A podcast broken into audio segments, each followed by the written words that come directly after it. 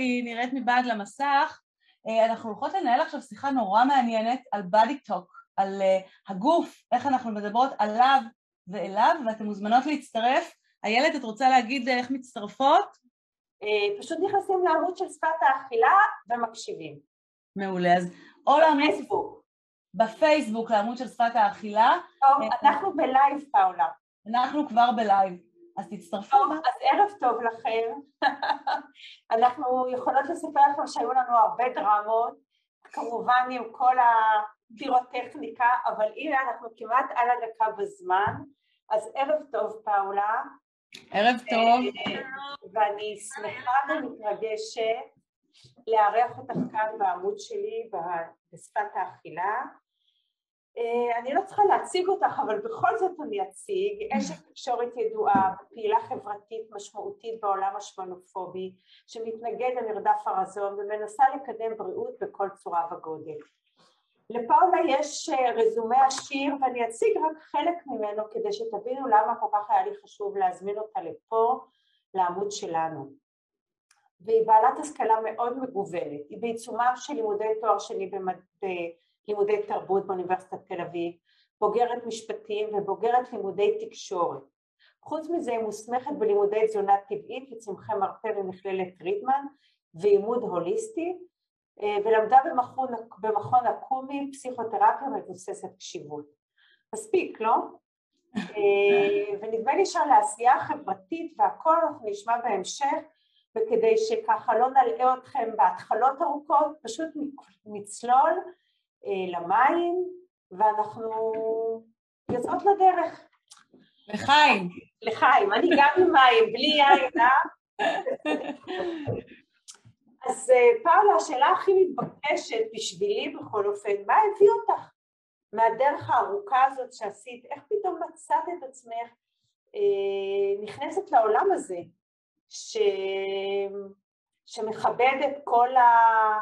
השונות הטבעית והלגיטימית, שמקדם אה, חיים בריאים ומלאים לכל אדם בכל צורת גוף. איך, מה התהליך הפנימי שעבר עד שאז לצאת החוצה בעצם? אז קודם כל, אני מאוד אוהבת, יש משפחת, משפט אחד שפעם אודטה אמרה, ששאלו אותה, איך פתאום עשית את זה? זאת אומרת, פתאום, פתאום, עשרים שנה התכוננתי, ופתאום בבת אחת זה קרה. אוקיי, אז, אהבתי. נכון, זה משפט מקסים. אז קודם כל, כמו כל דבר הוא תהליך שמן הסתם הוא נראה כלפי חוץ אה, בדר... בחלק שהוא כבר התנהגותי, אבל הוא תמיד מתחיל ממחשבות ותמיד מתחיל מרגשות. אמ, אני חושבת שקודם כל, אה, מגיל מאוד מאוד קטן, הבנתי שכמו אני חושבת שרובנו, שאנשים מגיבים לאיך שאני נראית, ולא רק שאנשים מגיבים לאיך שאני נראית, אלא שאני הרבה פעמים מה שנקרא עושה mind reading, עושה קריאת מחשבות ואני מסתובבת ובמקום אה, להיות בחוויה אני הרבה פעמים מדמיינת מה אנשים חושבים עליי, על איך שאני נראית והרבה שנים חשבתי שככה זה וכולנו ככה וזה החיים. וככל שבגרתי אה,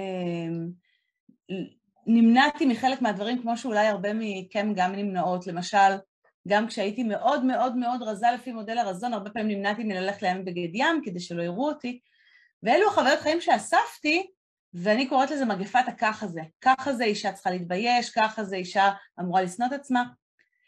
ואני חושבת שקיבלתי בזבנג גדול כזה כשהפכתי להיות אשת תקשורת. כלומר, כבר לפני זה, במשך 10-12 שנה, ישבתי בקליניקה וכמטפלת, האוזן הפעילה, ההקשבה הפעילה שלי, הטיפולית, שמעה שלא משנה, טיפלתי למשל באיכילוב, עבדתי כמה שנים באשפוז יום אונקולוגי, יש שם מחלקה אינטגרטיבית. נשים בזמן טיפולים אונקולוגיים, או לאחר שהחלימו ממחלת הסרטן, הדבר הראשון שהם שאלו אותי, אני פגשתי לא מעט כאלו, החלימו ממחלת הסרטן ואמרו שהן מקוות שהמשקל שירד בזמן המחלה יישאר נמוך באותה מידה. אני לא אומרת לך את זה, איילת, בצורה שיפוטית. לא, לא, זה אני יודעת את זה בצורה שממש אה, שמעתי המון המון מקרים כאלה, שלא משנה באיזה מצב בריאותי נמצאים, הרזון הוא כמו ערך עליון שמנהל את כל החוויה. ואני אומרת לעצמי, כאילו באותו רגע, שוב, אני לא מדברת ברמה שפתאום אמרתי, וואו, עד כמה זה הבסיס להכל. ובמקביל ניהלתי את תחום התזונה במרפאה של פוריות. ואני שומעת נשים עם תפריט מלא מלא בממתיקים מלאכותיים, ואני אומרת להן, תקשיבי, את צריכה קצת שומנים טובים, את צריכה כזה, והן אומרות, לא, הן לא מוכנות, הן יכולות להיות שלוש, לא כולן, כמובן שאנחנו מדברות בהכללה. אבל איך זה האווירה, זה ה vibe שעובר. בדיוק. שלוש-ארבע שנים בטיפולי פוריות, והם לא יוותרו על הסוכרזית וזה, כי הן אומרות, כאילו המחיר לשלם של לא להיות עם הג'ינס כזה ככה, אז הן לא מוכנות לשלם אותו. ואלו היו חוויות החיים שלי, גם החוויות האישיות וגם החוויות שלי בתור מטפלת, ואז גם נהייתי אימא לשתי בנות. ואז כל מי שנהייתה אימא, פתאום את, את מרכיבה משקפיים נוספות על העולם. אני יכולה להגיד על הבנות שלי, שהן נולדו בהפרש נורא קטן של שנה ותשע, ואחת מהממת עם שיער חום ועיניים חומות, ואחת בלונדה כמוך. כאילו בלונדה צהובה, והם היו בהפרש נורא קטן והייתי נוסעת עם שתיהן בעגלה, ואנשים מתייחסים רק, וואי, איזה מהממת הבלונדית. אמרתי, תגידו, מה קורה? וככל שיותר הבנתי, גם בתור מטפלת, הבנתי שלהתעסק בחיצוניות זה דבר שהוא גזירת גורל. יש גישה שלמה בדימוי גוף שאומרת, בא לי נטרואליטי, פשוט לא להתייחס. את יודעת, זה מין סוג של כותרת יפה ש...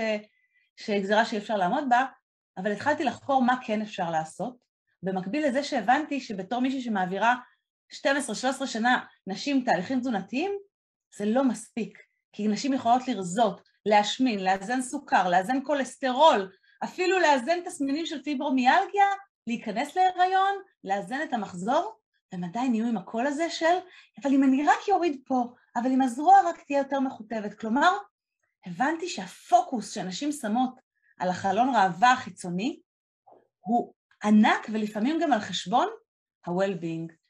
וככה יצאתי למסע. אני אוסיף רגע, לפני שתמשיכי, שלא רק נשים, ואני בכוונה לא רוצה להתייחס רק לאישה, כי המקיפה תופסת גם את הגברים. צודקת לגמרי. אני מחזירה לך את המיקרופון. לא, את צודקת לגמרי. אני חייבת להגיד שזה הולך ומשת... אני חושבת שתמיד היא הייתה אצל גברים, אני פשוט לא חושבת שהגברים תמיד הודו בזה. אני חושבת שבשנים לא, האחרונות... וגם החברה היה לה נוח לא להכיר בזה, וכל הזמן דיברו על עליונות הגבר, שבעצם האישה היא האומללה והקורבנית, אני בורחת מזה ואני חושבת שזו מגיפה חברתית ולא מייחסת אותה רק למין הנשי, למרות שאין ספק שנשים סובלות יותר. בדיוק, באתי לה, להגיד לך שבעצם אל מי החברה שלנו מתייחסת יותר כמוצר שערכו האסתטי קובע את ערכו ה, אה, של ההצלחה, של להתקבל לעבודה, של... אצל נשים זה הרבה יותר. כן. אז, אבל בעצם עד כאן אני הבנתי למה את רוצה לדבר על הנראות ולמה זה מחמם אותך כל כך, אבל עוד לא הצלחתי להבין מה גרם לך לרצות להשמיע את הקול הזה בצורה כל כך חזקה, ומה גם גרם לך אה, להשמיע קול נגד השמנופוביה החברתית. מתי זה תפס אותך? מתי הבנת שיש פה שמנופוביה חברתית עמוקה מאוד? אז קודם כל, אני חושבת שיחד אה, עם ה... אולי אה, את בתור מישהי שחוקרת את זה כל כך הרבה שנים, אני חושבת שאם אני אסתכל על התהליך שלי היום, אני בת 45 וחצי, אז נגיד התהליך שלי הוא ב-20 שנה האחרונות, אני חושבת שה-20 שנה האחרונות היו מאוד מאוד דרמטיות גם בהשתנות של איך שאנחנו מתייחסות לגוף שלנו, איפה אנחנו לומדות איך הגוף שלנו אמור להיראות. ואני חושבת שהבום הגדול הגיע אליי כשהפכתי להיות מנחת טלוויזיה, ובתור אישה עם אה, מידות אה, קונבנציונליות לגמרי, כלומר, אה, שוב, אנחנו לא ניכנס עכשיו לוויכוח של כן צריך לציין מידות, אני מציינת מידות כי כמו שאני אומרת, יש לי משקפיים ויש לי שיער בצבע חום, אז אני מידה 75 F בחזייה, והמכנסיים שלי מידה 40 והנעליים שלי מידה 39, והחולצה שלי, תלוי איזה חולצה, זאת נגיד מדיום, תלוי בחולצה. זה לא אומר כלום על מי זאת פאולה. זה אומר חלק ממש קטן. כאילו, לא, שוב, אני... לא, זה לא אומר על מי זה את, זה אומר נכון. משהו על המידות. זה אומר משהו על הצדדים שלי, זה אומר משהו על הגנטיקה המשפחתית שלי, אבל בהחלט זה חלק ממני, כלומר, אז חוויתי את עצמי הרבה שנים בתור מטפלת, האינטראקציה עם החיצוניות שלך היא לא כל כך אינטנסיבית, אבל פתאום הפכתי להיות אשת אה, תקשורת, והתחלתי להגיש תוכנית טלוויזיה, ואני אומרת שגם הסוג המדיה היום אה, משפיע, כי גם כשאני התחלתי להיות אשת תקשורת כבר היה פייסבוק. אז את מקבלת תגובות מיידיות מהצופים, ופתאום אני קולטת שכמעט כל יום כתוב איזו שמנה את, או למה את אה, מרשה לעצמך ללבוש גופייה, או אה, אה, לא יכלו למצוא אה, מנחה במידות נורמליות, תראו את ליאון מסכן, הפרה הזאת יושבת עליו. ואז אני אומרת, רגע, אף פעם לא הרגשתי שאני שמנה. שוב, לא הרגשתי שאני אה, האישה הכי רזה בחדר, אבל פתאום הבנתי עד כמה המדיה, אם כך, גם ככה החברה שלנו כרגע, עד כמה המדיה מעוותת את זה עוד יותר, ואז התחלתי להסתכל מסביבי, וראיתי שאין לי קולגות במידה שלי. ראיתי שאין אף מנחת טלוויזיה במידה שלי. ואמרתי, זה מקרה? זה מקריות? ואז התחלתי לחקור את הייצוג של נשים בתקשורת, גם הישראלית וגם בחו"ל, והבנתי שלא הכל, זה קשור גם לבית, זה קשור להורים, זה קשור לחינוך, זה קשור לחברה, אבל כל המחקרים, אגב, מחקרים במחקר תרבות מכריחים שמקומות שבהם נגיד לנשים היה שביעות רצון מסוג מסוים, באיי פיג'י עשו מחקר בשנות ה-90, לפני כניסת הכבלים ואחרי כניסת הכבלים. כמה זה השפיע על ערעור הביטחון העצמי ודימוי הגוף בעצם. וגם על, וגם על הפרעות אכילה. אז ב-90, אז ב-91 ו-92 באיי פיג'י, 87% מהנשים אמרו שהן מרוצות מהגוף שלהן, ואחרי שלוש שנים מכניסת הכבלים, כל הסדרות האמריקאיות והסרטים, חזרו אליהם וגילו ש... אה, אה, אני חושבת ששלושה או ארבעה אחוז מהנשים עדיין אה, אמרו שהן יפות כמו שהן. כל השאר כבר רצו להחליק את השיער. זה למצב רגרסיבי. ממש. כן. אז השילוב הזה של, אני, של, אני אשת, של הקולות ששמעתי כל כך הרבה שנים בקליניקה, עם התגובות שקיבלתי כאשת מדיה, פתאום מצאתי את עצמי על טיקט השמנה, ושוב אני אומרת, לא כי אני אומרת, מה פתאום, אני לא שמנה, תראו איזה רזה אני, פתאום אמרתי, יש לי מידות לגמרי נורמליות. איך אני, אם אני אעתיק את השמנה, אז איפה נמצאות, כאילו, אם אני הסמן הקיצוני של מה שאפשר לראות בטלוויזיה, איפה כל החברות שלי במידה 42, 44, 46 וכן הלאה, הם בכלל, הם לא רק, הם לא רק לא מיוצגות. הם מחוץ לסקאלה מיד. אני, אני חושבת שהן לא רק לא מיוצגות, הן גם לא קיימות, שזה לא אותו דבר. הם כאילו, אין כאלה, פשוט אין. נכון, אני חייבת להודות שיש שינוי, אבל אנחנו לא ניכנס לזה, ואני כן רוצה שנמשיך. כן. היה איזה תהליך שעבר בשנתיים האחרונות, שזה הפך ויצא מגבולות האולפן, והתחלתי להרגיש שאת מראה את עצמך יותר, והייתה את התמונה שהעלית אה, אה, את רוצה שאני אראה מצגת? את יכולה, בטח. יאללה, אז אני אראה, תמשיכי לדבר, אני תוך כדי עכשיו נשמע. את ה... שכתבת על הידיים והיריחיים וכולי, וזה עשה כן. המון המון תהודה, ובטח גרם להרבה רעש וגם להרבה רכילות. נכון. אה, ואני ככה שואלת את עצמי... אה, רואים את זה? אני אעביר. רואים את זה? לא, עוד לא, עוד לא הגעתי לתמונה הנכונה. לא, רואים, רואים, אני מראה את המצגת. את המצגת רואים, רק לא ראו את התמונה עדיין, וככה אני שואלת מה הייתה החוויה שלך בכל הבלגן הזה, איך זה היה לתת פומבי לגוף, איך זה היה לתת אה, אה, פומבי ל... ל זה אפילו היה קצת אינטימי, ו, ו, ולשמוע מה, מה אמרו לך אנשים על כל ההופעות האלה.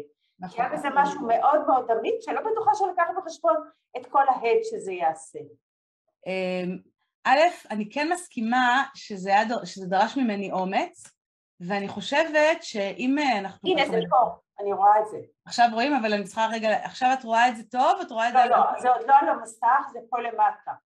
זה שקופית, מספר... לא, אני מעבירה את השקופיות, רגע. אוקיי. רק רגע אחד. אמ, אני רק אגיד לך, אני רק אראה את התמונה עצמה למי שלא ראה. אה, אני רק יכולה להגיד לך שהתמונה הזאת, אגב, היא כמובן אה, תמונה שצולמה, זה חשוב לי להגיד תמיד, זו תמונה שצולמה בסטודיו. עם, גם התמונה הזאת, שהיא התמונה אותנטית וזה, היא עדיין צולמה בסטודיו עם צלם מקצועי, אה, את יודעת, יש לי את הפריבילגיה הזאת בתור אשת תקשורת, והלכתי, עשיתי את זה באופן מקצועי לגמרי. הנה, עכשיו אני אראה. עכשיו רואים? לא. למה לא רואים? ניושטר. לא, רואים את השקופיות, אבל לא את התמונה המדוברת. אה, הנה, אז אני... עכשיו רואים? לא, הנה, עכשיו רואים. על המסך המלא רואים? כן, רק יש על זה פס אחד באמצע. אוקיי, אז אני... מה שאת רואה כולם רואים. אז רגע, לא, אני שיתפתי את הדבר הלא נכון. הנה, חלון קהל, בבקשה. עכשיו רואים, נכון? כן, עכשיו רואים מעולה. אז אני חייבת להגיד על התמונה הזאת, כי אני אספר את זה, כאילו אני מספרת את האישי, אבל מבחינתי האישי הוא הפוליטי, אה, זה היה כשכבר התחלתי לעבוד והתחלתי לכתוב את התסריטים של הסרט שעשיתי על דימוי גוף, כמו שאת, והסרט הזה, ראיתי שככה אני מתחילה לעשות תחקירים והן יוצאות מאזור הנוחות שלהן. כלומר, הן מספרות דברים לא פשוטים. יושבות אימא ובת מולי מול המצלמה, והאימא מספרת איך שהיא יודעת שהיא פגעה בבת שלה בדברים שהיא אמרה לה, והבת אומרת לאימא דברים קשים. ואמרתי לעצמי ואמרתי לבמאי של הסרט, לא יכול להיות שאני אעשה סרט שבו אני לא אצא מאזור הנוחות שלי, כי זה סרט דוקומנטרי ואני לא יכולה להיות רק הצופה מן הצד. ומה הדבר, ניסיתי לחשוב מה הדבר במראה שלי שהכי קשה לי, אני קוראת לזה כבר כמה שנים חשיפותרפיה. בכל פעם שאני מזהה נקודה שהיא הכי קשה לי, אז אני יודעת שזאת הנקודה שאני צריכה לחשוף, את יודעת, זה גם מגיע מעולם הטיפולי, שיש חשיפה הדרגתית אה, לצאת מאזור הנוחות, אם אנחנו מדברים על טיפולים אה, רגשיים שונים. ואחד הדברים שהכי קשים לי, והם גם קשים להרבה נשים, את יודעת, הבטן של אחרי ההריונות, אני נכון רואים שאני מצביעה עליהם? כן. אז קודם כל אני תמיד לובשת תחתונים שהם עד לפה כזה, את מכירה את זה שאז בעצם כן. לא רואים את החלק הזה? או מכנסיים שנורא מחמיאים לאזור הזה, ואני גם לובשת תחתונים שהרבה יותר מחמיאים מאשר התחתונים האלה, אבל אלה התחתונים הכי נוחים. ואמרתי, אני צריכה לעשות תמונה ללא פילטרים, התמונה הזאת צולמה אמנם בסטודיו, אבל לא עברה שום ריטוש, הדבר היחיד זה שהייתה שם תאורה מקצועית וצלם מאוד מאוד אהוב, כי לא הייתי מצליחה לעשות את זה ליד בן אדם שלא מרגישה לידו בנוח. ואמרתי, אני קודם כל אכתוב על עצמי את, ש... את התגובות שאני מקבלת הכי הרבה מהאנשים, והתחתונים האלה, זה מצחיק להגיד, אבל התחתונים האלה מגיעות עד לכאן. ושלחתי לליון תמונה לפני הצילומים, והוא אמר לי, פאולה, את רוצה לאתגר את, אחד, לאתגר את עצמך עד הסוף? תקפלי, תקפלי את התחתונים עוד איזה שני סנטימטרים למטה, וזה נשמע מצחיק, אבל זאת המטאפורה הזאת של כאילו העולם מלמד אותנו איך אנחנו אמורות לסדר את זה בפנים ולא להוציא, כן. והתמונה הזאת מבחינתי הייתה סוג של reclaiming, של להגיד, זה מה שאתם אומרים עליי, אני לוקחת את המילים האלה, אני לא יודעת מה לא בסדר בהם מבחינתכם, אבל מבחינתי התמונה הזאת מגדירה אסתטיקה.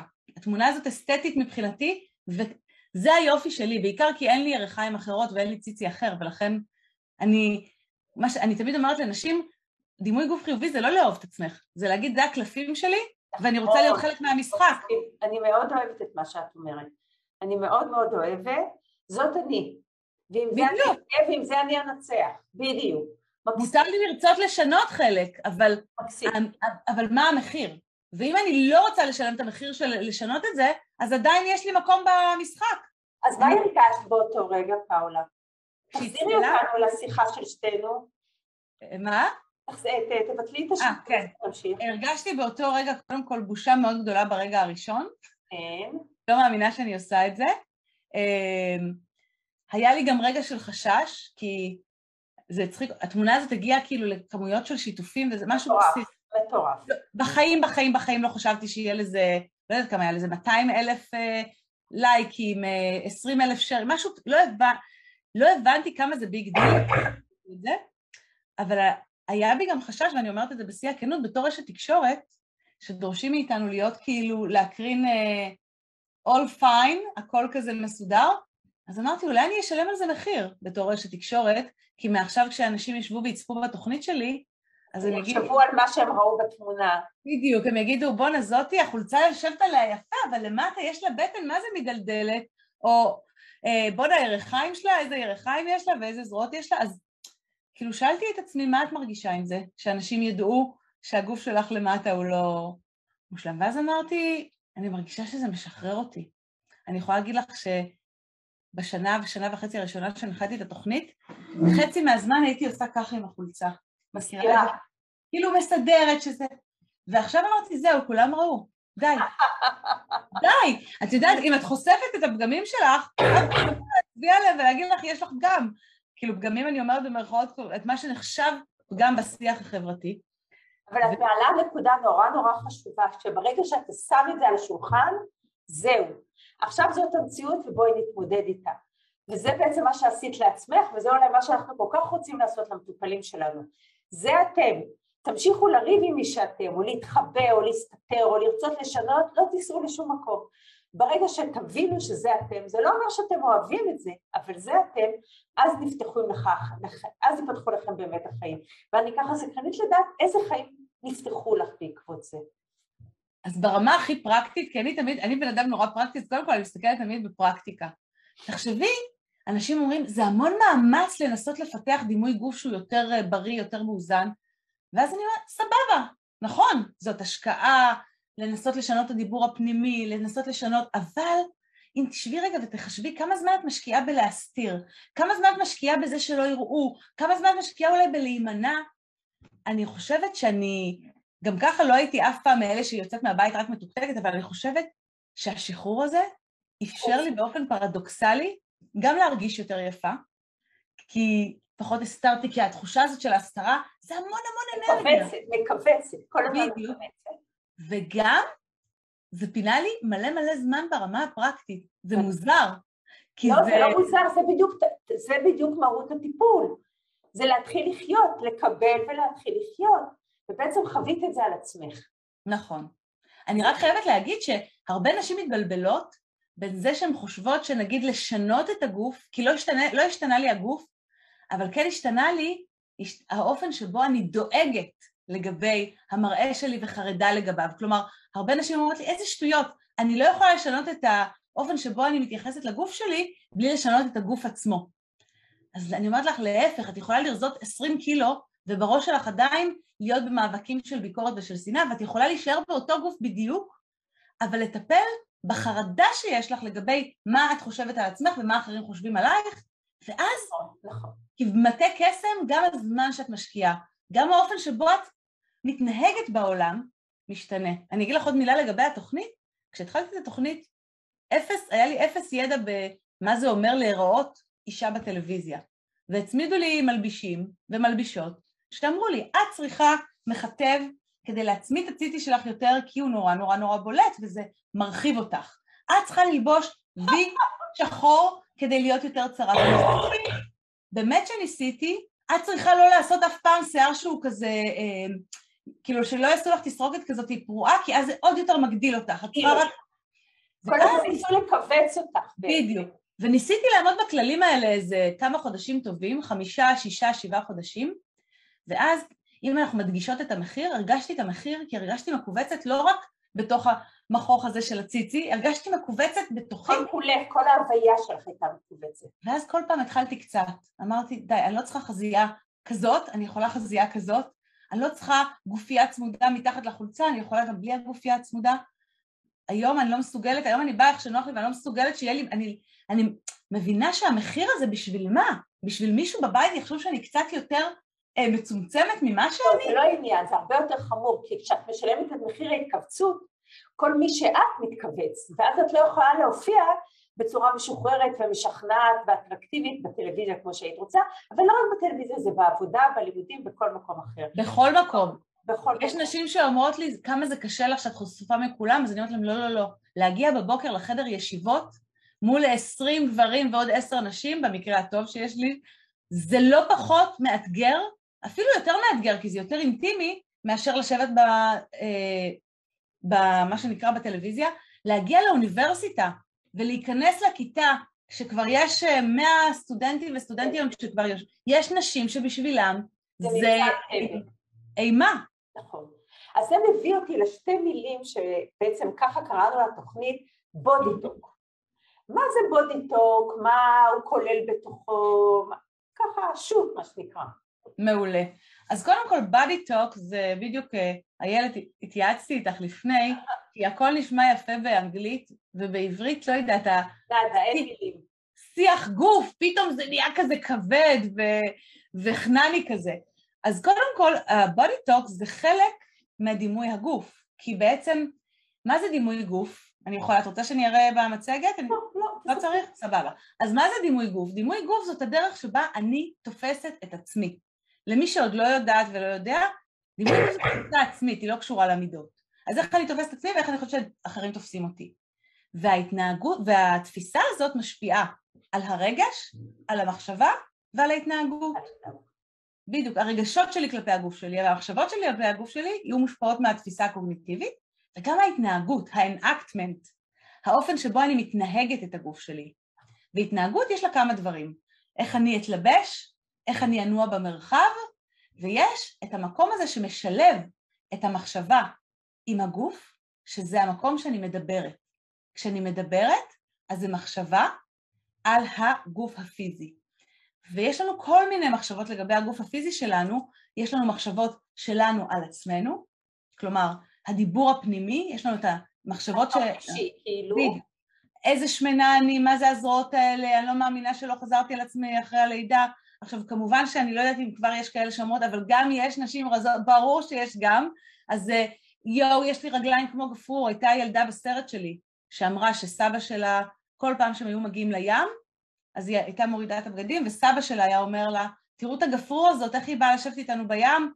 אז זה חלק נוסף. בעצם הבאדי טוק, יש לנו גם את הדיבור שלנו על עצמנו, איך אנחנו מדברות על עצמנו בלב, יש את הדיבור שלנו על עצמנו בקול רם, שזה הפך להיות מאוד מאוד אה, אופנתי, להגיד יואו, אני דבה של החיים, לא, תעצרו אותי שאני לא אגע בעוגה. לא רק זה, הדיבור הזה על עצמי בפרהסיה, זה בעצם להוריד את כל הפחדים שלי כדי להוריד את כל ההתנגדויות שאני כבר אמרתי את הברכות הכי יפות על עצמי, אף אחד כבר לא יכול להפתיע אותי.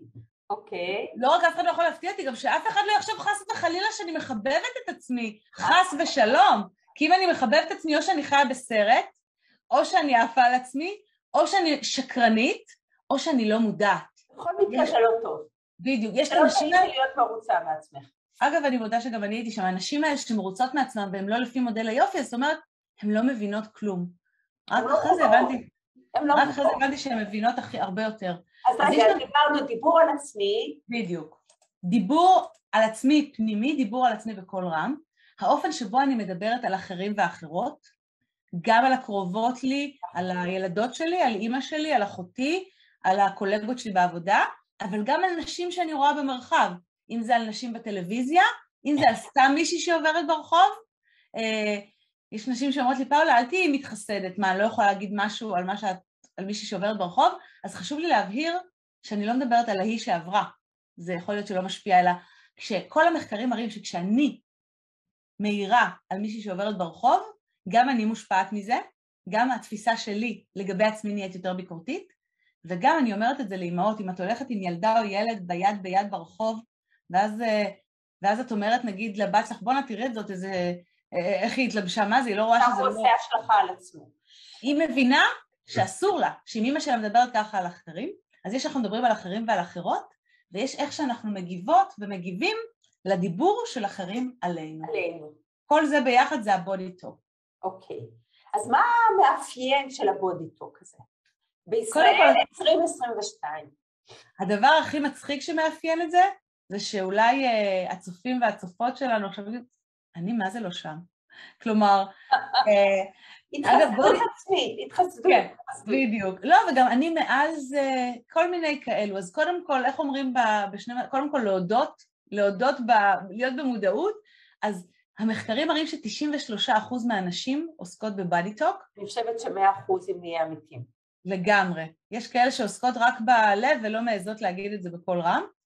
רק חשוב להגיד שבאדי טוק כולל לא רק את איך שאני מתייחסת לגוף עצמו, זה גם כל השיחות על אמצעים לשינוי הגוף, על דיאטות, כל דבר, על, כן. לא, כל מה שקשור לא רק על הנה הבגד הזה מרזה אותה, לא המכתב ההוא.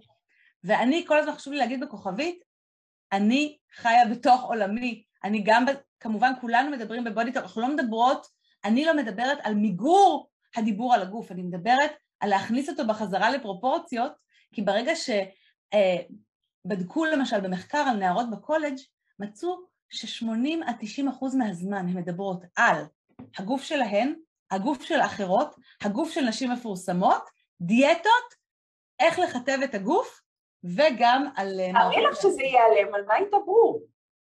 יש מלא על מה לדבר. אני כל הזמן עסוקה ולחשוב שהנושא הזה ייעלם, על מה ידברו? זה כאילו, הרי את יודעת, זה בגלים בתרבות. Mm-hmm. ואני אומרת, אוקיי, בעוד 20-30 שנה הקולות האלה ידעכו, אז מה יהיה נושא השיחה החדש? את חושבת? את מאמינה שזה יקרה, איילת? אני בטוחה. יואו, איזה כיף, קודם כל כבר יצאתי פה עם מסר אופטימי, אני מחזיקה, אני אגיד, איילת אמרה לי שזה ייעלם. זה ייעלם. אנחנו, תקשיבי, אני מתעסקת בזה חזק בפרונט יותר מ-25 שנה, עוד ממש, אפילו יותר. אני רואה את השינוי. איזה כיף. ושינוי לוקח בערך יודור, כאילו יובל כן. שנים, 50 שנה. נכון. אז אני מעריכה שאנחנו כבר ככה ומתחיל השינוי לפה. אבל בואי נעקוב על זה, אז בואי נמשיך. זה מוקלט, זה מוקלט, איילת. אני גם, ברור. לא, אני אומרת זה מוקלט, אחרי זה נראה אותך, תהיה הנביאה, הנביאה שהעלתה את הגל לפני שהוא הגיע. אז רגע. גם רק, אני אגיד שהדבר השני שלא יודעים על בודיטוק, חוץ מזה שרוב האנשים, אני אמרת, אני הייתי רחמנית, אמרת 93, את אמרת 100. הדבר השני זה שמייחסים בטעות, יש מין הטיית חשיבה, אה, נו, זה של ילדות, זה של נערות, זה לא משהו של נשים מבוגרות, זה לא משהו של גברים, bullshit. נכון, bullshit, bullshit זה לכל הגילאים, וכולל אנשים בני 70-80 ומעלה. כן. אגב, הם הכי, לדעתי, יש, בדיוק היה לנו איזה, בתוכנית זה מחקר על נוירולוגיה שהמוח הקדמי, העכבות משתחררות, אז אני פוגשת נשים... בכלל, זה, אתה יורד. יורד על כולם, מדבר על כולם, כאילו כבר אין לך בכלל את הקצת PC שאלה שאני מעניינת אותי, הרי שתינו מסכימות שכולם מדברים בזה, זה לא משנה אם אנחנו שמנים ואם אנחנו רזים, אם אנחנו גבוהים ואנחנו נמוכים, אם אנחנו גברים, אנחנו נשים, כולם ש... אה, נופלים לתוך הבודיטו, ואותי מעניין למה את חושבת שזה תופס כזאת תאוצה, ולמה זה השתרש בצורה כל כך חזקה בחברה הישראלית. אז קודם כל יש את זה בכל החברות, אתם מכירים את זה, כן יש את זה, אבל גם לא יש את זה, אז קודם כל בואו נרגע, יש את זה לכולם, אבל יש לזה המון המון סיבות. אה, בואו נתחיל בסיבה הכי הכי הכי הכי אה, לדעתי עצובה, הגענו למצב היום של נרמול שנאה עצמית. שנאה עצמית וביקורת עצמית זה אפילו הרבה פעמים סמל סטטוס. לא, אני סתומה שאין דברים כאלה. גם לא רק לגבי הגוף, אלא גם לגבי תכונות. נכון. אה, טוב, אה, אה, כאילו נשים שאומרות אה, על עצמן, אני בחיים לא אעז ללבוש ביקיני, הן כאילו משתמשות בזה במין שלט של אני מודעת לעצמי ואני ממשטרת את עצמי, אתן לא צריכות למשטר אותי. השנאה העצמית הפכה להיות גם, כאילו אני בן אדם יותר הישגי. אם לא מספיק לי שום דבר, סימן שאני יותר הישגית. אני טוב אני... יותר מכולם. בדיוק. אם, אני, סליחה שאני אומרת את זה, זה קצת אולי אה, בלי שמות, אבל יש תנועה נורא גדולה של בודי פוזיטיב ושל דימוי גוף חיובי ברשתות, וחלקן באמת מקדמות, אבל חלקן זה קצת מעושה. כי כשלמשל עומדת אישה שיש לה פה כזה, ועושה, הנה תראו, כל גוף הוא מושלם, גם הגוף הפגום שלי, ברגע ש... ברגע שהיא אמרה פגום, היא כבר פספסה את כל העניין. וברגע שהיא נראית כמו מודל היופי בדיוק, והיא אומרת, גם אני לא נראית כמו מודל היופי, אז זה קצת מעוות את המסרים. נכון, אבל, אבל זה נורא מעניין, תראו את הגוף הפגום שלי, גוף לא יכול להיות פגום, זה בדיוק העניין, זה הגוף. אז גם נכון. הטרמינולוגיה הקטנה נופלת לאותם, אה, נכון. לאותה הסתכלות, אבל בואי נמשיך כי זה נורא מעניין. אז, אז, אז קודם כל העניין הזה של נרמול השנאה העצמית, אני יכולה לתת אה, שיעורי בית לצפות? לכי על זה. אז קודם כל, תעשו במשך יום או יומיים, תדמיינו שאתן, שאתן בסרט ויש כתוביות. וכל מה שעובר לכם בשיח הפנימי, תתמללו את זה לכתוביות. אני לא סתם אומרת כתוביות, כי אז זה כאילו יוצא החוצה, ותבדקו האם זה סרט רומנטי, האם זה קומדיה. אצל רובנו זה יהיה סרט אימה, אז זה יהיה הורור שואו, של איזה דבה אני, למה לקחתי עוד עוגייה, אני לא מאמינה שהג'ינס לא נסגר עליי. סרט טורקי למהדרין. וואו. אז זה נרמול השנאה העצמית, ואז כשאתם רואות את הסרט הזה בכתוביות, תגידו, תזכירו לעצמכם בכוכבית, זה לא נורמלי. יש מלא מה לעשות, יש מלא אסטרטגיות וקבוצת מחקר, כרגע אנחנו נציין את הדברים הגדולים. הדבר הנוסף זה השוואה חברתית. אנחנו בעצם, על ידי זה שאני יושבת עם חברות שלי, ואנחנו מדברות על... אנחנו... זה סוג של grooming, זה סוג של אירוע חברתי, שבו היא אומרת, ההיא עלתה שני קילו, ההיא עשתה גוונים וצבע ולא רואים שיש לה שיער אה, אפור, היא החליקה את הקמטים, היא התחילה לרוץ מרתון ופתאום נהיה לה גוף של אה, יותר חטוב, אנחנו מסתכלות מסביבנו ואז ממקמות... את לא שולטת בשפת ה body talk הזאת, את לא אינית. את לא בדיוק. לא לא, וגם אם את לא יושבת בהשוואה, את, קודם כל, יש את העניין של ההשוואה החברתית, שאת משווה את עצמך לאחרות, ואת לומדת איפה את על הסקאלה, את רוצה להרגיש שייך, שייכת לאיזושהי קבוצה. ויש עוד מח, אה, מחקר גדול ויפה של תמר קטריאל, של פרופסור תמר קטריאל, שנקרא מסיבת קיטורים, שהוא בכלל בנושא אחר, הוא לא קשור לדימוי גוף, אבל אני בגלל לימודי המחקר התרבות לקחתי אותו והיא מדברת על זה שבחברה הישראלית, בתרבות הישראלית, ולא רק, אבל פה, יש איזה מין gathering, איזה מדורת שבט, סביב ישיבה חברתית שבה אה, מדברים על כמה שחיתות, האינפלציה, מחירי הדירות, כלומר, אם כולנו מקטרים ביחד, אז אנחנו מייצרים לעצמנו שייכות וזהות משותפת דרך הקיטורים. אז אני לקחתי את המושג הזה וזה כן. שנשים, נשים עושות, גם גברים, אבל נשים מסיבות קיטורים לגבי איך שהן נראות, לגבי איך שהן זקנות, שמנות ולא תואמות את מודל היופי, ואז הן חלק מהחבורה. תארי לך ילד שיושבות שבע חברות, ואחת אומרת יואו יואו, הג'ינסים שלי אני חייבת לזרוק את כולם, אף אחד לא עולה עליי, אה, ואחת אומרת, את לא מבינה, מאז שנפסק לי המחזור, קולי מדל, מדלדל, והשלישית אומרת, יואו, נשירת שיער שלי, לא נשאר לי כמעט שיער, אני נראית מגעיל, ואז הרביעית אומרת, וואלה, קצת נושר לי השיער, וגם הייתי צריכה לעלות מידה בג'ינס, אבל אני חושבת שסך הכל אני בסדר, ואני דווקא חושבת שאני נראית נחמד ככה. מה יגידו עליה? כולם יסתכלו ויגידו לאחותי, מה נסגר? תעברי לפרדס חנה. אז uh, בעצם הקיטורים המשותפים האלה על הגוף הפגום שלנו מייצרים שייכות זהות, ולא אנחנו לא יוצאות דופן, אף אחד לא יכול להסתכל עלינו ולהגיד שאנחנו לא מתאמצות. אנחנו כולנו רוצים להיות בקולקטיב מצד אחד, ומצד שני להיות מיוחדים. ואנחנו לא שמים לב שבתוך השאיפה להיות בקולקטיב אנחנו ממש מאבדים את הייחוד שלנו, כי בעצם כולנו בסוף אותו דבר. כולנו נכון. מדברים זרה בגוף שלנו ומתעללים בו בצורה זו או אחרת. ויותר מזה, גם מי שרוצה להיות מאוד אינדיבידואלי, בסוף למשל מה שפרופסור קטריאל מדברת שם זה על טקסים. שזה ממש סוג של טקס, כמו שיש טקס קבלת שבת וכמו שיש טקס עלייה לתורה, אז יש טקס ממש עם כללים, מה מותר לך להגיד ומה אסור לך להגיד כשאת יושבת עם חברות ומתקטרת על הגוף, ותכף אנחנו נמצא כמה אסטרטגיות שאפשר לשנות את זה, אבל קודם כל להיות מודעת. ופה אפשר עוד שיעור בית קטן? לגמרי. פעם הבאה שאת יושבת עם חברות או עם חברים, אה, בדרך כלל השיחה הזאת נעשית באותו, בני אותו מין, כי זו שיחה שמדברת על אה, דברים קצת אינטימיים, שימי לב כמה זמן לוקח מהרגע שאתן מתיישבות עד שמישהי מספרת על כמה היא לא מרוצה מהגוף שלה ואיך השאר מגיבות. כי יש תגובה אחת שאני רוצה לציין, יש הרבה תגובות ואנחנו לא נספיק היום הכל, אבל יש תגובה אחת שאם מבחינתי אם ייקחו את זה, כבר עשינו מצווה. בדרך כלל כשהחברה תגיד, וואי, הכרס שלי היא מלא, אז מה החברה תגיד לה כדי לעודד אותה? שלך? תראי את הקטע שלי, את לא מאמינה. תגידי, מה, את אה, צוחקת? מה, את ילדה? כמה עלית? שלושה קילו? אני חמישה.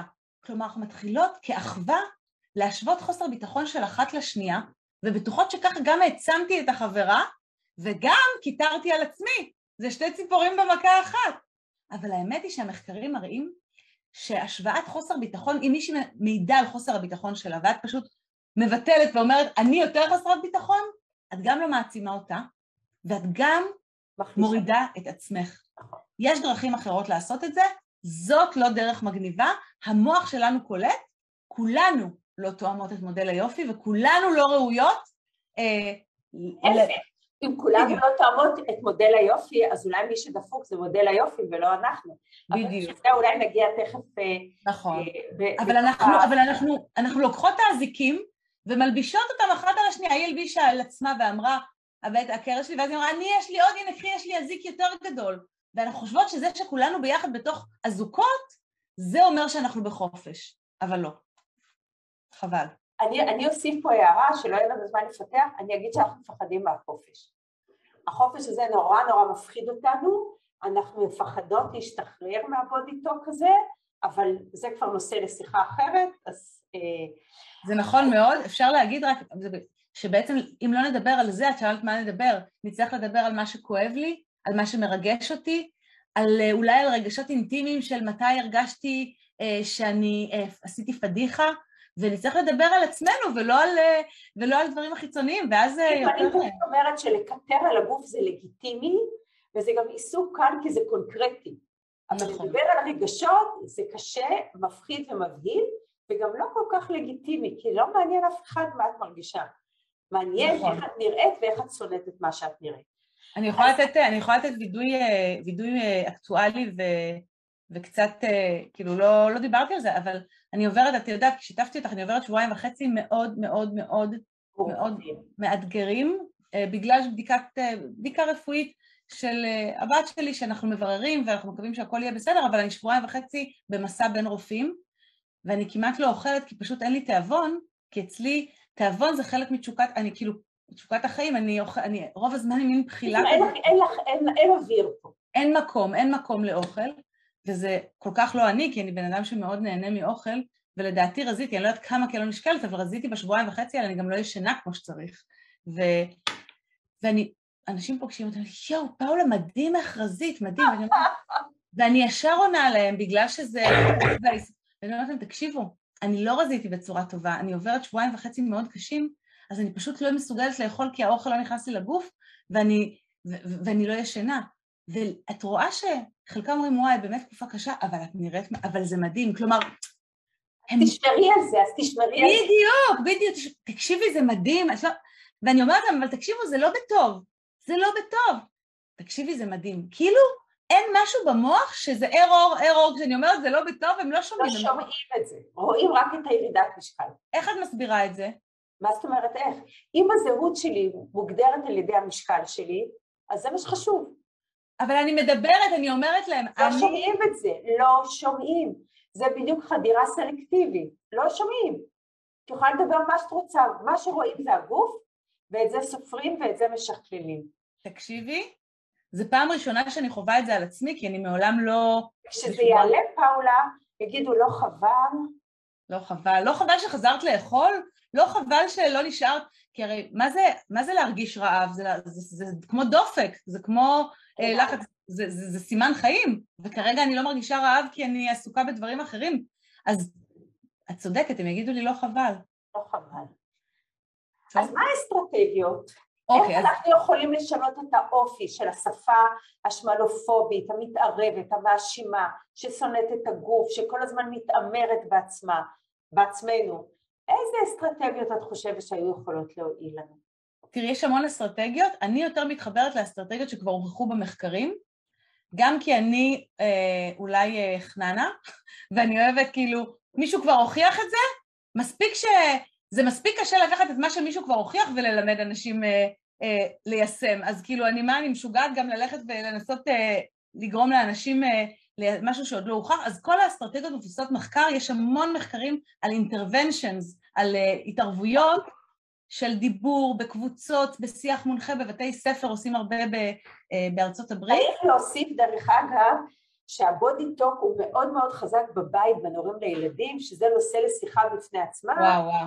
ושם השינוי הוא הכי משמעותי, כי הפגיעה של ההורים בילדים היא בלי לרצות מאוד מאוד עוצמתית. אבל זה כל... ככה בהערת סוגריים, כי לא הזכרנו את זה בכלל. נכון, אז אני, אני אגיד לך שאני... אני קוראת לזה בקורס של דימוי גוף, יש לי איזה שני משפטים, אחד של מרגול, רק שמור אותי מאוהביי, כי בעצם ברגע שבן אדם אומר, אבל זה מאהבה, הוא יכול להגיד לך את הדברים הכי קשים ששורטים לכל החיים. כאילו, אני יכולה לכתוב ספר... כי אתה לא מבין, כי אתה לא מבין שפוגעים בך, ואיך זה יכול להיות. אבל שוב, זה נושא לפגישה בפני עצמו. נכון, אז, אז לא אני רק אגיד, כי אם יש פה אנשים שמעירים לאח, לאח, לבן, לזה, ואומרים, לי מותר כי אני קרובה, אז קודם כל, זה, יש מושג בטיפול רגשי שנקרא mind fuck. ברגע שאת אומרת לבן אדם את הדבר שהכי פוגע לו בו, ואת אומרת לו את המשפט, וזה מאהבה, את בעצם עושה לו mind fuck, כי את אומרת לו, אני אוהבת אותך ובגלל זה אני אומרת לך את זה, ואז את מונעת ממנו את האפשרות לכעוס. אימא, אני אתן לך שתי דוגמאות, כאילו, כדי ש... אימא שאומרת לבת, אם לא תרזי, אף אחד לא ירצה לצאת איתך ואת כבר, כבר בכיתה י"א, אני אומרת, זה דברים שאני, הכל אני אומרת לך דברים... אני ש... יודעת, אני יודעת, אני יודעת. ואת כבר בכיתה י"א, אז האמא בטוחה שהיא עוזרת לה להפוך להיות נערה שיותר תתחבב על אה, בני המין השני. כשהיא בעצם. דורסת לה את הערך העצמי והיא אומרת לה, כמו שאת, זה לא, לא בסדר. את צריכה לתקן את עצמך לאופן שבו אחרים ירצו לראות. ועוד משפט מאוד מאוד קשה, אה, זה משפט אה, של בני זוג. אני שומעת הרבה הרבה נשים שמספרות לי שבני הזוג שלהם אומרים להם, תקשיבי, מה, מה נסגר? כבר עברה שנה, כבר עברה שנתיים, כבר עברו שלוש שנים מאז הלידה, מה, מה קורה? לא היית אמורה כבר לחזור? כאילו, יש איזה חוזה שבו הגוף הבטיח לי שיעברו השנים ואני אמורה להישאר בדיוק אותו הדבר.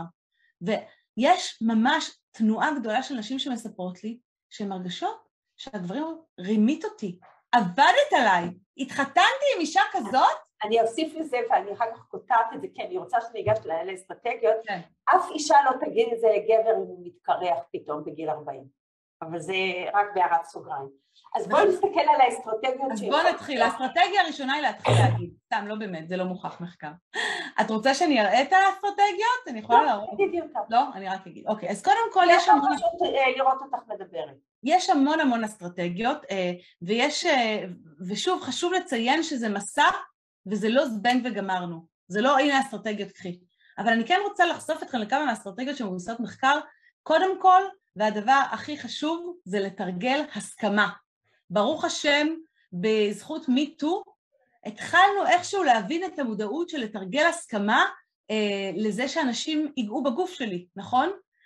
אני חושבת שחזון אחרית הימים, עשית את, ה, את, את הגרף הזה מקודם, חזון אחרית הימים הוא שלאנשים יהיה ברור שאנחנו לא מדברים על הגוף של אף אדם אחר בלי רשות מפורשת.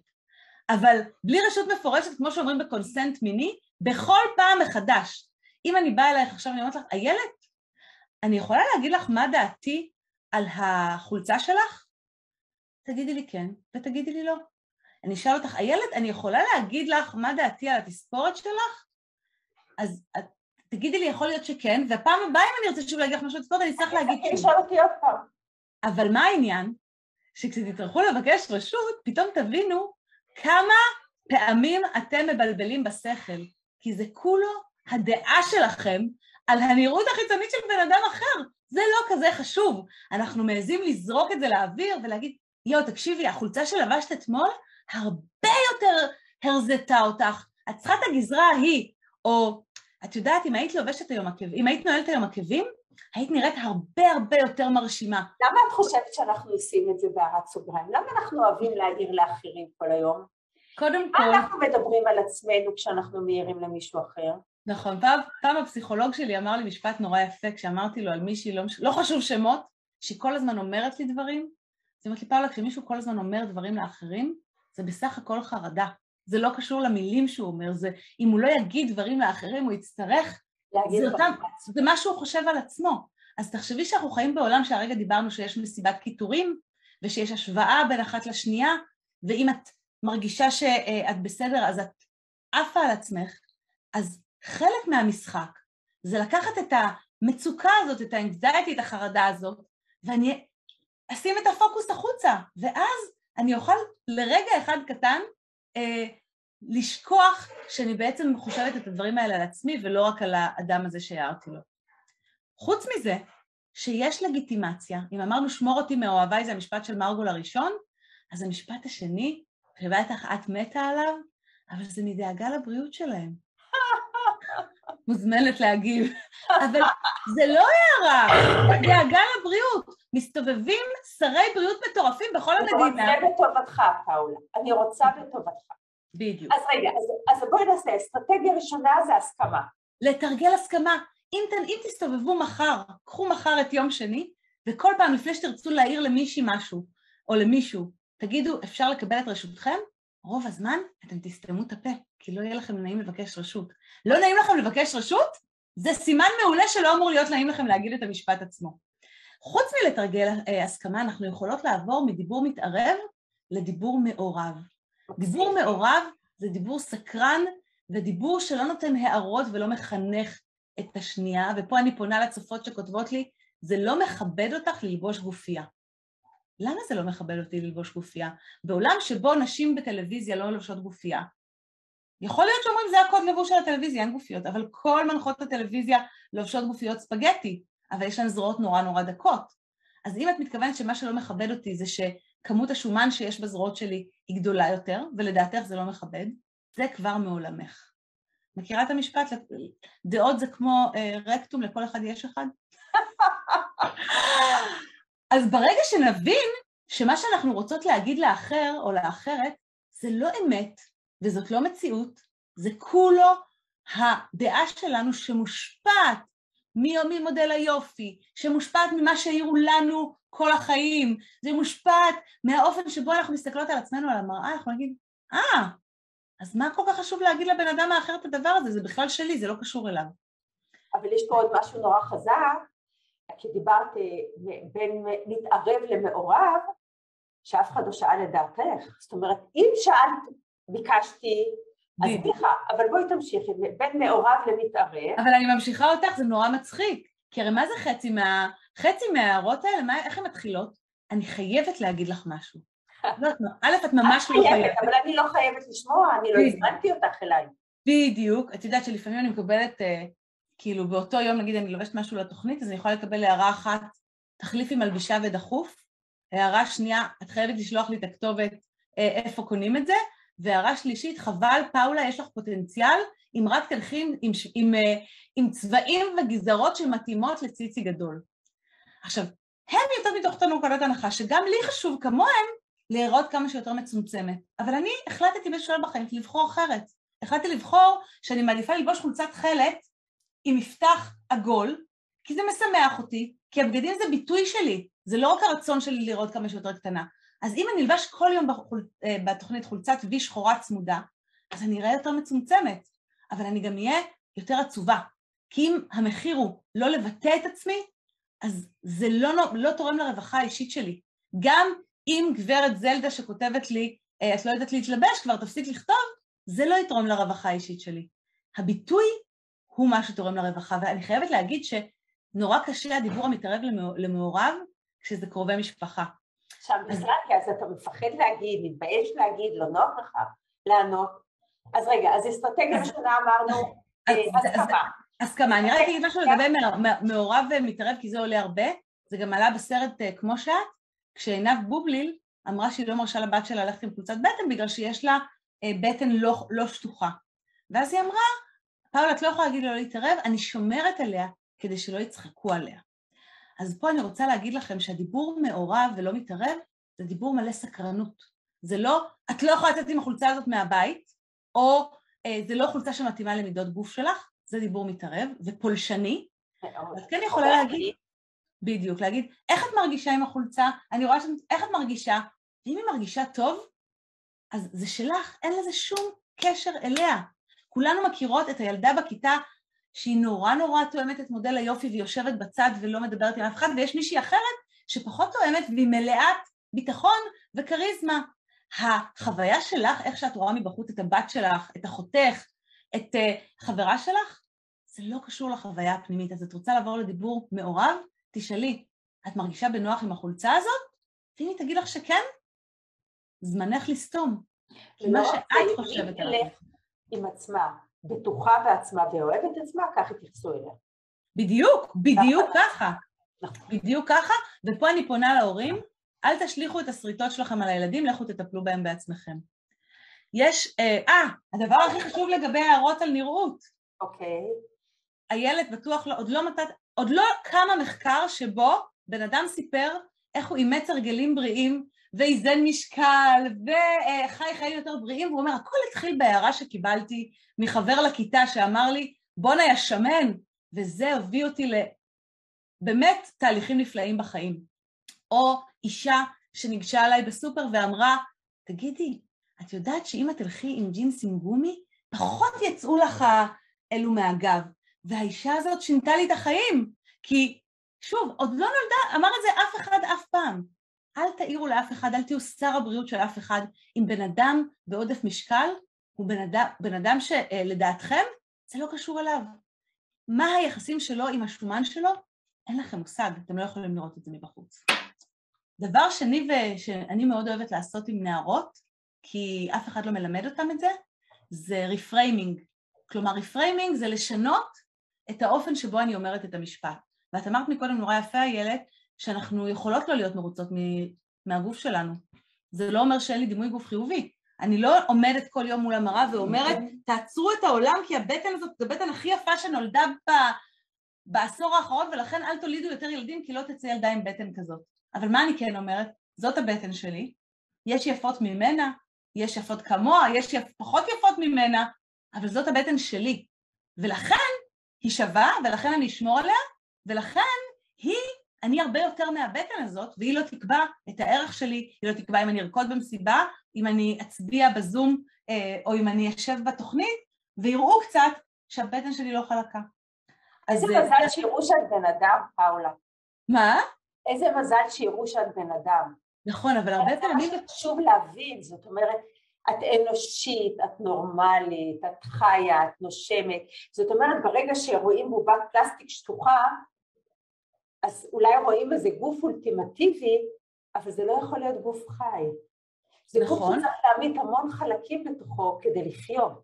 ויחד עם זאת, תרבות האינסטגרם וגם הרבה הרבה מנחות טלוויזיה מייצגות איזה מין מודל מושלם, שכן משפיע על התודעה של הנושאים, ממש מחקרים שמחברים אה, FMRI, אה, MRI פונקציונלי לנשים בזמן שהן צופות באימג'ים האלה שתיארת, של נשים מושלמות, כלומר מושלמות מבחינה חיצונית, כן. וממש רואים את האזורים הפעילים במוח, רואים את האזורים ורואים שהתפיסה של אה, גוף והתפיסת העצמי משתנה. כשאני מסתכלת על המראה, על עצמי ערומה, עכשיו זה לא פעם אחת, זה כל יום שוב, השלטי חוצות והאינסטגרם והפייסבוק והטלוויזיה. זה 24/7. בדיוק, אז כשהמודלים הרזים כל הזמן מפעילים את המוח, כבר יש מחקרים בזכות המדע שמראים שזה באמת משנה את התודעה שלי, ולא משנה כמה אני חכמה פה במוח הקדמי, המוח הלימבי הקמאי קולט כל כך הרבה אימג'ים, ואומר, אם כל האימג'ים האלה נראים אותו דבר, כנראה שזה מה שנכון וזה מה שיפה. אז זה גם חשוב להודות, שאין לנו כוח לבד מול כל הכוחות האלה. בגלל זה אני רוצה לשאול אותך, ככה אנחנו עוד דקה צריכות לסיים. כן. זה עובר נורא מהר כשנהנים, את יודעת. לא, כי זה נושא נורא נורא נוגע ונורא מרגש ונורא נכון. אמ, א', איך אפשר לדבר על הגוף אחרת? זה דבר אחד. רגע, תעני על זה, כי כבר ככה אני... אה, אוקיי. אז ככה, אני אתן שתי דוגמאות קטנות, זה צעד צעד, יש מלא דרכים, וזה בסדר שאת לא מצליחה לבד. יש אנשים שחקרו את זה בגלל שזה כל כך מאתגר. אני אגיד לך את המשפט הכי זה, תגידי לי, אני שונאת את ה... איזה איבר את רוצה שנגיד? שנשים אומרות הרבה.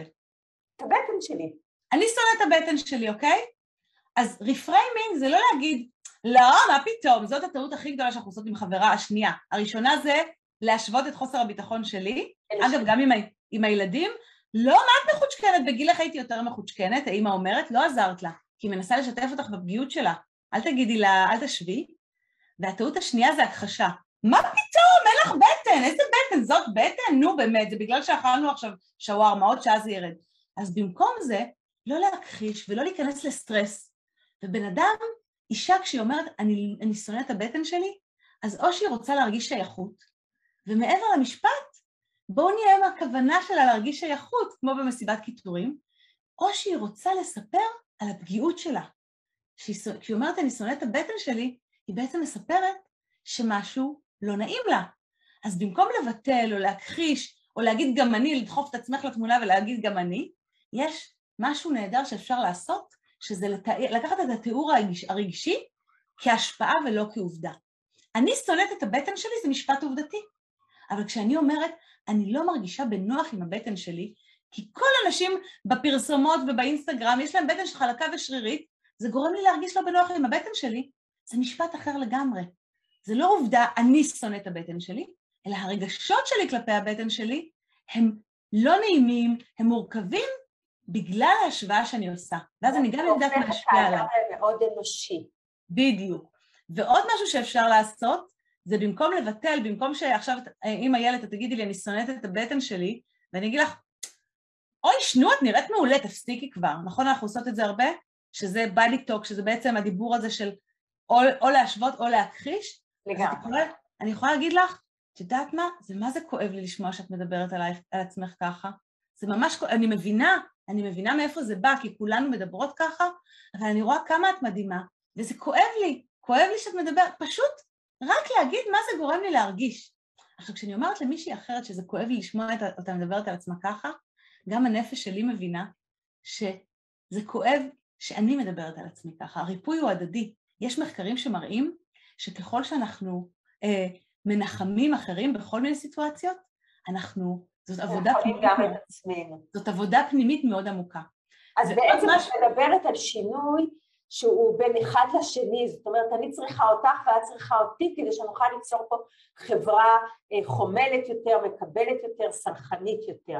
נכון. זה מביא אותי בעצם לשאלה הכי חשובה, לאן אנחנו מתקדמים מפה? שאלה אחרונה, פאולה. את הבטחת שאנחנו מתקדמים למקום יותר טוב, אז זה, זה ההבטחה שלך. תראי, אני אגיד לך משהו, אני, אה, אה, אני פחות שנים ממך בתחום, אבל גם אני אפילו בשנים שאני נמצאת אני מרגישה שינוי. אני יכולה להגיד לך שאני בשנת אה, 2011 אה, פתחתי קורס שאמרת, סיפרתי לך שקוראים לו לרדת מהמשקל.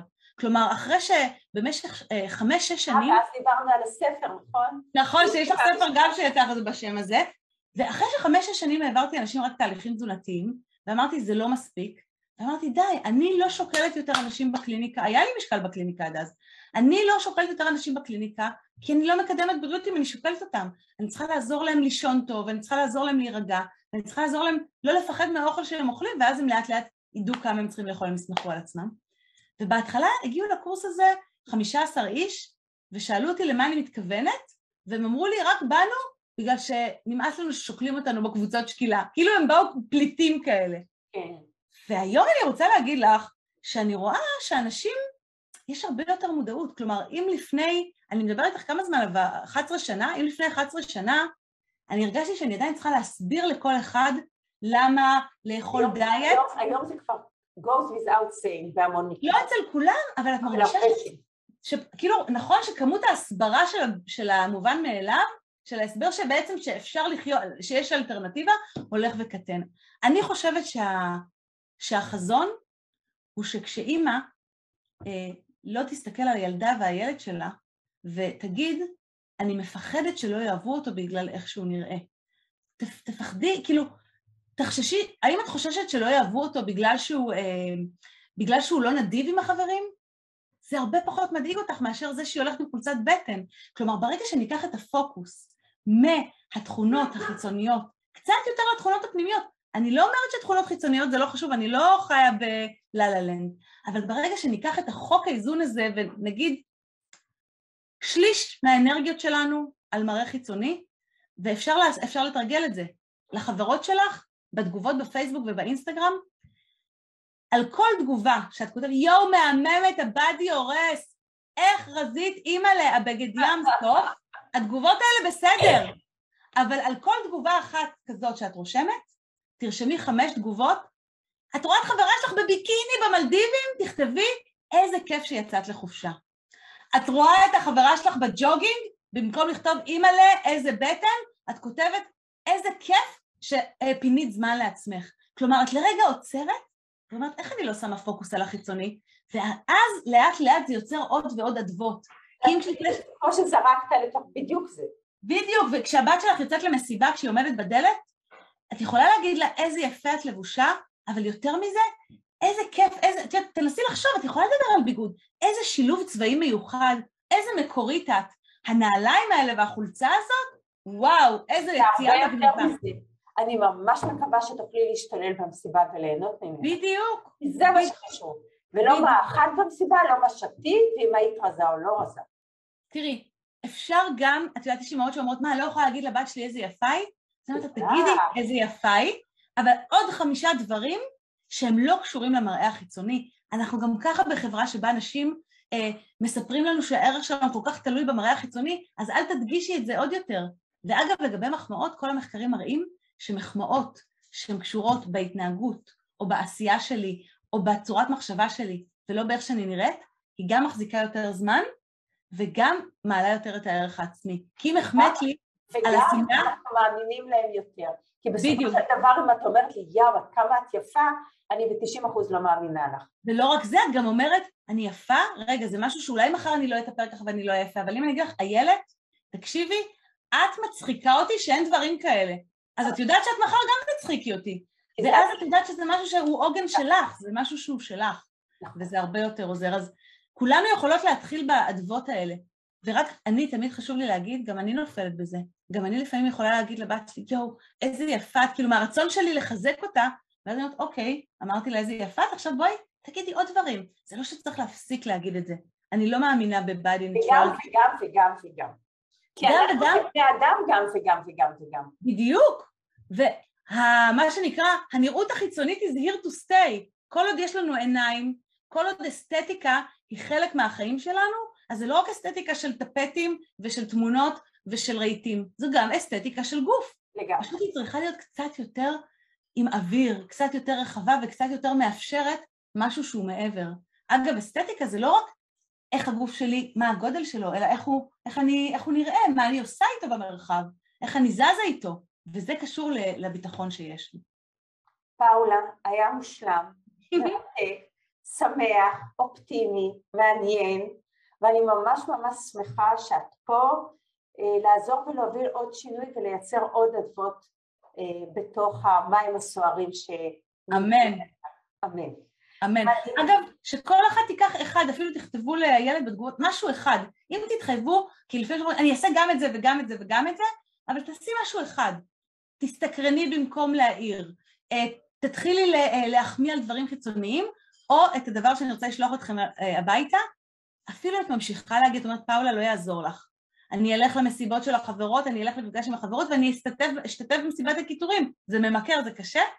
אז במקום להגיד, בואנה, אני דבה של החיים, תתחילי להשתמש בגישת החלקים. יש בי חלק שחושב שאני דבה של החיים, ויחד עם זאת יש בי חלק אחר ש... ואז את צריכה, פשוט את משנה את המשפט לחלקים. אחלה משחק, אחלה משחק. גישת החלקים עוזרת. מדהים. אז פאולה, תודה. ואני רוצה גם להודות לבן שלי, אלון קלטר, שתמיד אחראי מאחורי הקלעים. כל הכבוד לאלון. ממש. אז נפגש שוב בעוד חודש, בשבעה ליוני, בשעה שמונה בערב, והפעם ניפגש עם פרופסור יובל חלד, מומחה בפיזיולוגיה אינטגרטיבית ופיזיולוגיה של המאמץ, בנושא הכל כך חשוב שלנו, פעילות גופנית. כל הכבוד. אני, אני יכולה רק להגיד שיש באינסטגרם שלי, יש היילייט של אתגר שעשינו בפסח, Okay. אוקיי. עשינו ניקיון דיבור, נקית הדיבור, ונתתי שם המון משימות קטנות של איך לשנות את הדיבור על הגוף. זה יותר חשוב מלשטוף את הארונות. אז תגידי לאנשים, תגידי להם. תגידי להם. להגיד להם עכשיו? כן, לאן להגיד? לא, אמרתי. תיכנסי באינסטגרם, פאולה רוזנברג, יש בהיילייט, נקית הדיבור, ויש שם כל מיני משימות איך לנקות את הדיבור. אמנם פסח עבר, אבל אם לא ניקית דיבור לקראת פסח, את יכולה לנקות אותו גם לקראת שבוע. כל יום 24-7. מעולה. לילה טוב, פאולה. לילה טוב.